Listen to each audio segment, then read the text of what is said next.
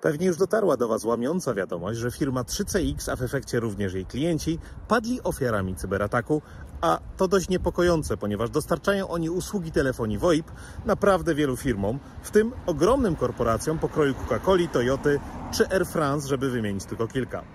Badacze z CrowdStrike podejrzewają, że za wszystkim stoją cyberprzestępcy z Korei Północnej, jednak nie udało się tego jeszcze z całkowitą pewnością potwierdzić.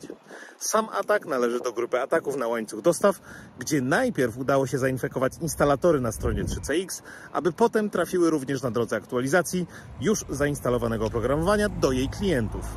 Co ciekawe, w tym przypadku złośliwe oprogramowanie ukryto w skompilowanej już bibliotece FFmpeg i dlaczego 3CX nie korzysta po prostu z repozytorium, skoro jest wolne i otwarte oprogramowanie, a posiłkuje się w tej kwestii pośrednikiem, pozostanie pewnie pytaniem bez odpowiedzi, przynajmniej na jakiś czas.